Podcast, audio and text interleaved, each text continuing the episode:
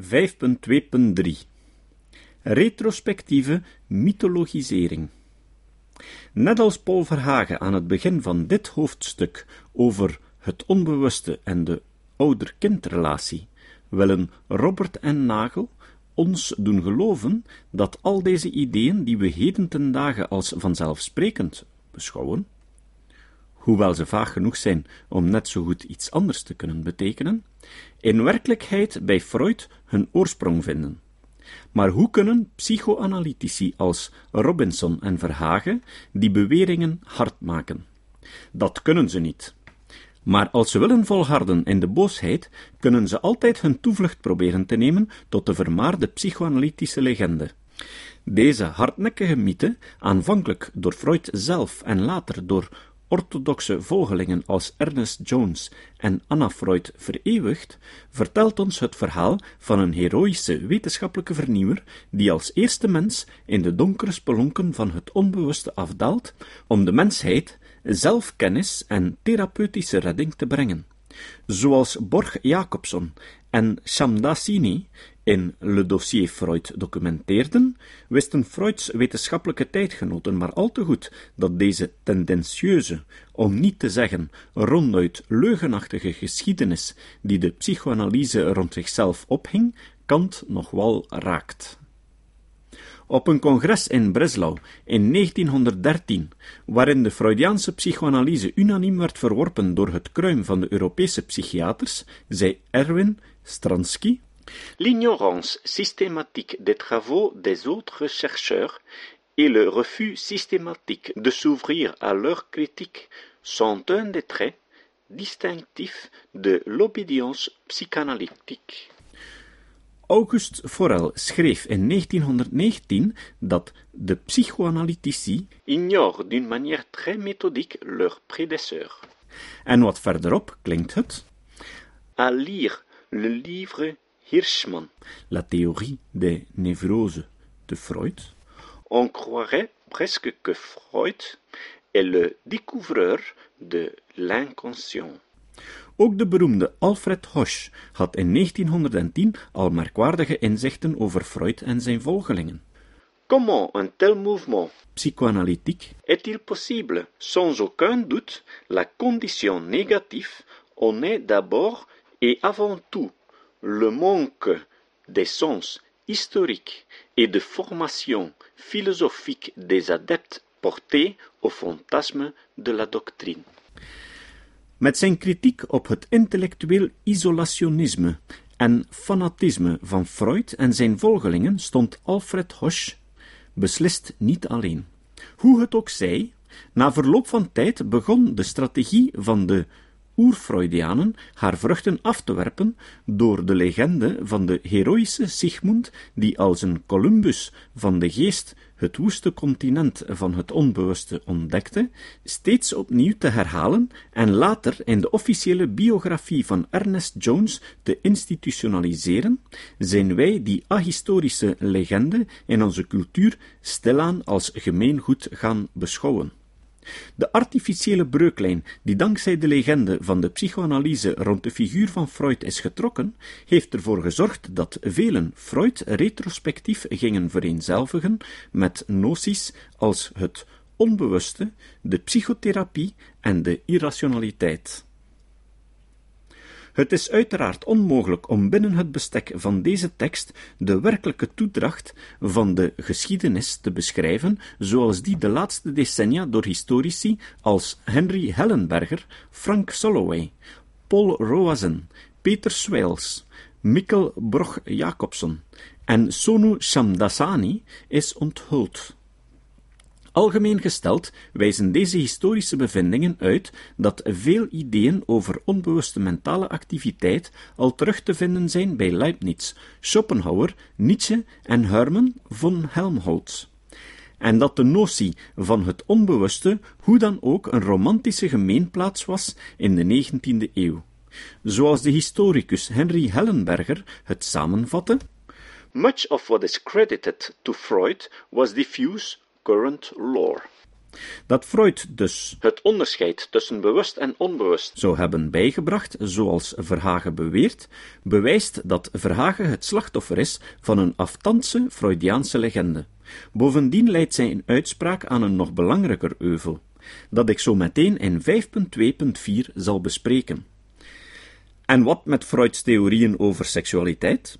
Was hij het niet die ons als eerste de alles doordringende invloed van de seksualiteit aantoonde in een cultuur die haar altijd genegeerd en verdrongen heeft? Op 23 november 2005 prijkte op de voorpagina van Knak de kop Freud is dood. Ingesloten zat een bespreking van het Livre Noir de la psychoanalyse door de wetenschapsjournalist Joël de Keuler, die nogal wat stof deed opwaaien aan het analytische front. In zijn recht van antwoord, dat nooit in Knak zelf gepubliceerd is, maar nadien in het tijdschrift Scripta werd overgenomen, wijst de Gentse psychoanalyticus Hubert van Voorde ons erop dat de stelling in het artikel op een leuke manier wordt tegengesproken door een paar details. Met deze fijnzinnige observatie doelde Van Hoorde op de aanwezigheid op de aangrenzende pagina van een erotisch getint vrouwenlichaam dat een of ander product poogde aan te prijzen. De details doen minder ter zake. Reclamejongens zijn gehaaide lieden die hun theorieën zoeken waar ze die kunnen vinden.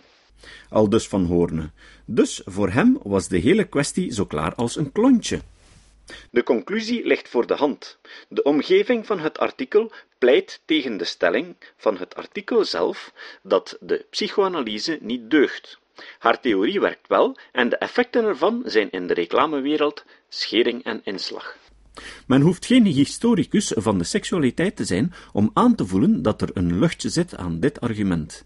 Niet alleen was Freud belange de eerste niet om ons op de aantrekkingskracht en de grote invloed van de seksualiteit te wijzen. Zelfs zijn specifieke theorieën daarover waren schatplichtig aan wetenschappelijke en minder wetenschappelijke voorlopers als Fechner, Meinert, Benedict, Herbel en Janet. De ideeën over de doordringende en soms pathologische invloed van de seksualiteit bijvoorbeeld hadden, in tegenstelling tot wat Freud altijd voorhield, rond de 19e eeuw al ruim ingang gevonden in de Europese psychiatrie. Wat Van Hoorde selectief lijkt te vergeten, of te verdringen, is dat Freud niet zomaar de man was die beweerde dat seks een belangrijke rol speelt in ons leven, maar dat hij de kerel was die volhield dat déjà vu's in dromen de vagina van de moeder symboliseren. Hier ben ik al eens geweest. Dat zweven en vliegen daar voor erectie staan, het tarten van de zwaartekracht. En dat traplopen een symbolische vermomming is van de coitus. Met ritmische tussenpozen onder toenemende ademnood komt men op een hoogste punt en kan daarna in een paar snelle sprongen weer beneden zijn. De ene invloed van de seksualiteit is de andere niet. Paul Verhagen, een collega van Van Hoorde, schreef dan weer in zijn lofrede in de morgen dat we het feit dat therapieën überhaupt bestaan volledig aan Freud te danken hebben. Een standpunt dat hij onder andere met Harold Bloem en Bernard Pacella deelt. Zoals iedere psychoanalyticus met enige notie van geschiedenis echter zou moeten weten, heeft niet Freud, maar zijn collega Joseph Breuer samen met zijn patiënte Anna O. de eigenlijke praatcultuur ontwikkeld, en was deze zelf natuurlijk op zijn beurt schatplichtig aan een lange traditie van wetenschappelijke voorlopers en verzamelde volkswijsheid. Dat praten over problemen voor verlichting kan zorgen. Vele wetenschappelijke tijdgenoten beschouwden de theorieën van Freud zelfs als een heilloze aberratie van de oorspronkelijke en verdienstelijke cathartische methode van Breuer.